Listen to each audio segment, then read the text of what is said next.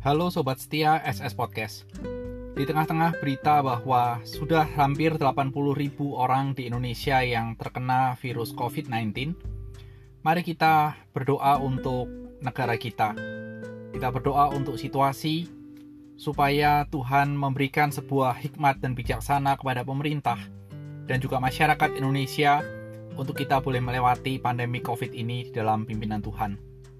Dan bila kita bekerja WFH atau WFO, kiranya Tuhan tetap memberikan hikmat dan semangat dalam kita bekerja, sehingga apa pun yang kita lakukan, biarlah kita boleh kembalikan bagi kemuliaan nama Tuhan.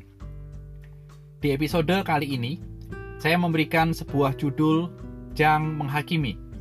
Terima kasih buat Yunus yang sudah menerjemahkan ke dalam bahasa Papua.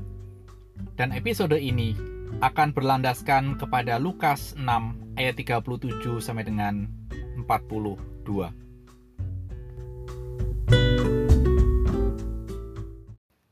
Janganlah kamu menghakimi, maka kamu pun tidak akan dihakimi. Dan janganlah kamu menghukum, maka kamu pun tidak akan dihukum. Ampunilah, dan kamu akan diampuni. Berilah, dan kamu akan diberi. Suatu takaran yang baik, yang dipadatkan, yang diguncang, dan yang tumpah keluar, akan dicurahkan ke dalam ribaanmu. Sebab ukuran yang kamu pakai untuk mengukur akan diukurkan kepadamu. Yesus mengatakan pula suatu perumpamaan kepada mereka. Dapatkah orang buta menuntun orang buta? Bukankah keduanya akan jatuh ke dalam lubang? Seorang murid tidak lebih daripada gurunya. Tetapi barang siapa yang telah tamat pelajarannya, akan sama dengan gurunya. Mengapakah engkau melihat selumbar di dalam mata saudaramu, sedangkan balok di dalam matamu sendiri tidak engkau ketahui.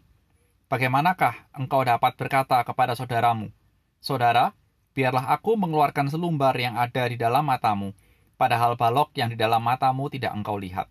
Hai orang munafik, keluarkanlah dahulu balok dari matamu, maka engkau akan melihat dengan jelas untuk mengeluarkan selumbar itu dari mata saudaramu.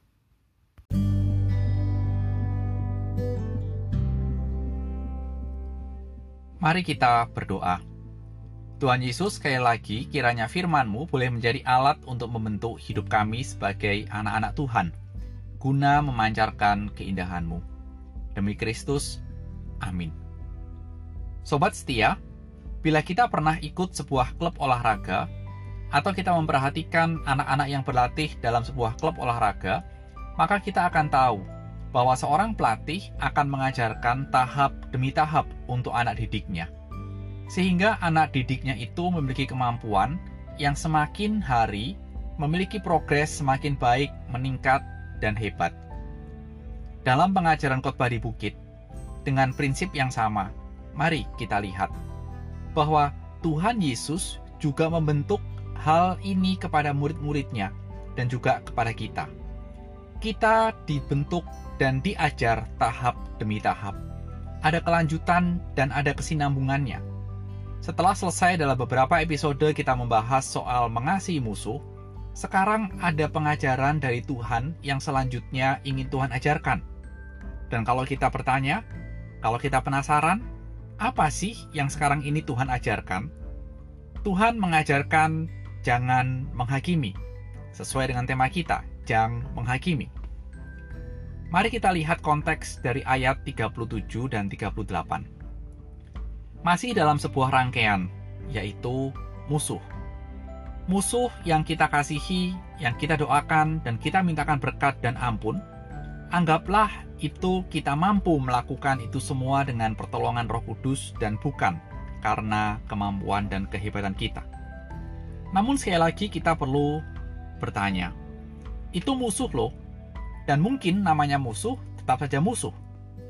Tidak berubah, mungkin makin menyebalkan, dan semakin menjadi-jadi. Dan kalau musuh seperti itu, kira-kira apa reaksi kita? Mungkin kita bisa mengatakan, dia memang aslinya begitu, keras kepala, tidak bisa diberitahu, sok benar, sok pintar, sombong, dan lain sebagainya. Kita bisa menambahkan sendiri, dengan bahasa kita masing-masing, dengan kata-kata yang kita bisa pilih, kita bisa menambahkan sendiri. Dan apabila kita melakukan hal itu, dan ketika kita sering melakukan hal itu, mungkin kita merasa bahwa hidup kita, entah itu sedikit, entah itu banyak, jauh lebih benar dibanding dengan musuh kita.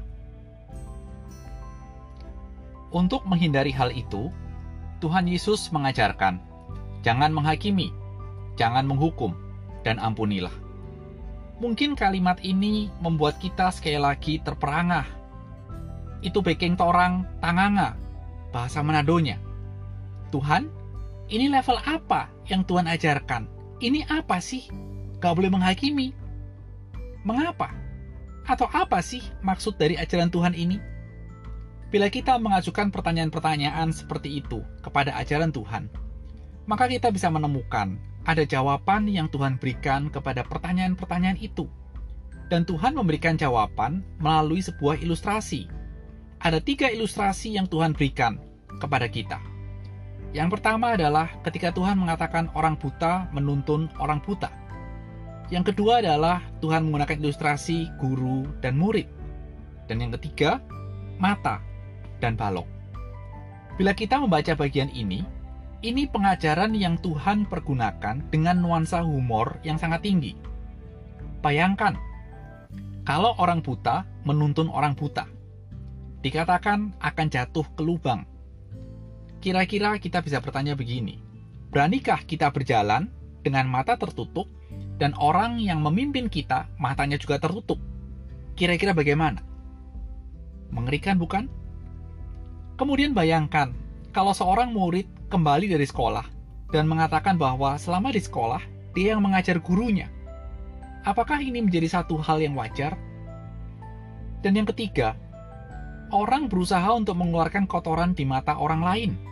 Padahal di matanya sendiri ada kotoran yang mungkin lebih banyak atau lebih besar.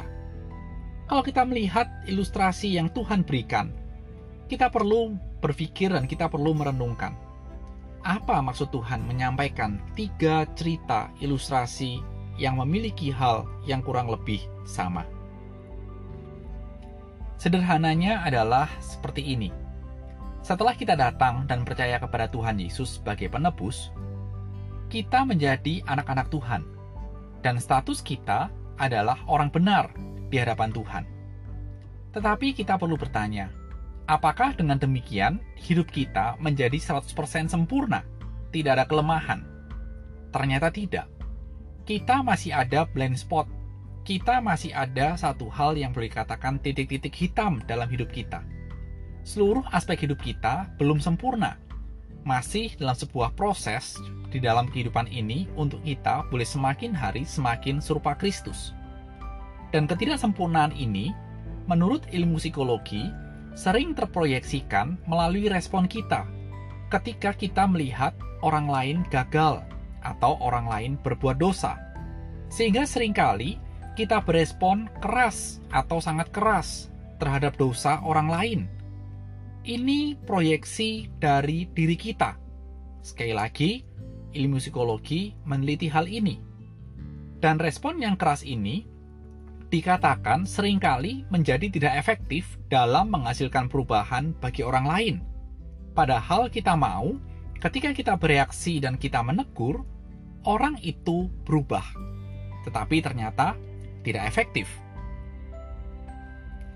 Melalui bagian ini, Tuhan tidak mengatakan bahwa kita tidak boleh membantu orang lain menyingkirkan dosa mereka. Namun kita harus terlebih dahulu berurusan dengan dosa kita sehingga kita bisa membantu mereka. Inilah yang Tuhan inginkan dalam hidup kita.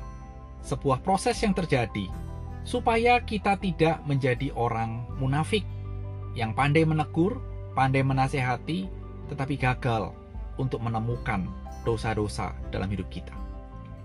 Jika demikian, ada dua hal yang kita bisa lakukan untuk menerapkan firman Tuhan ini. Yang pertama adalah sebagai murid Tuhan Yesus, kita harus berani jujur terhadap diri kita sendiri.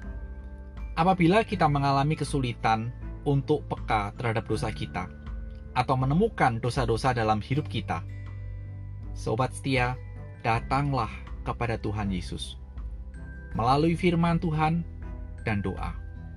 Karena firman Tuhan itu seperti X-ray yang memindai seluruh hidup kita untuk menemukan dosa-dosa kita yang harus kita tanggalkan.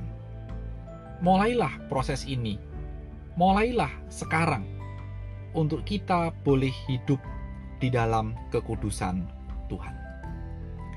Yang kedua adalah bila kita harus menegur atau menghakimi orang yang kita kasihi, lakukan dengan lembut, dengan harapan teguran kita bisa mengkoreksi dan membantu mereka untuk hidup dalam anugerah Tuhan. Ada satu kalimat yang sangat baik yang saya pergunakan untuk menutup perenungan ini. Judging other as God judges other will lead us to tears, not to anger. Tuhan ajar kami untuk menjadi alat di tangan Tuhan dalam melakukan firman-Mu ini, sehingga namamu ditinggikan. Amin. Selamat beraktivitas, sobat setia.